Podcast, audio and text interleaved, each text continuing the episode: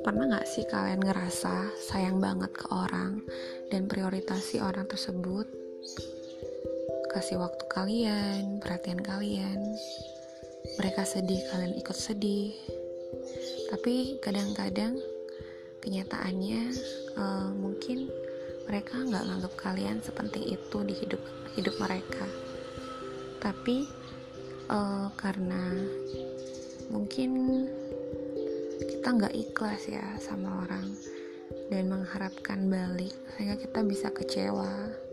Tapi ketika kita berbuat baik ke orang tanpa kita meminta mereka untuk berbuat baik lagi ke kita kadang-kadang di waktu-waktu tertentu ketika kalian memerlukan mereka mereka datang dengan ketulusan tanpa kalian minta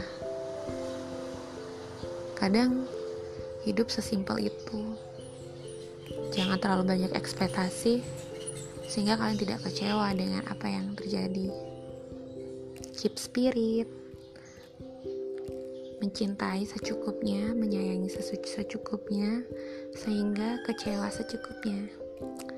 Quotes of the day. Oke. Okay. See you.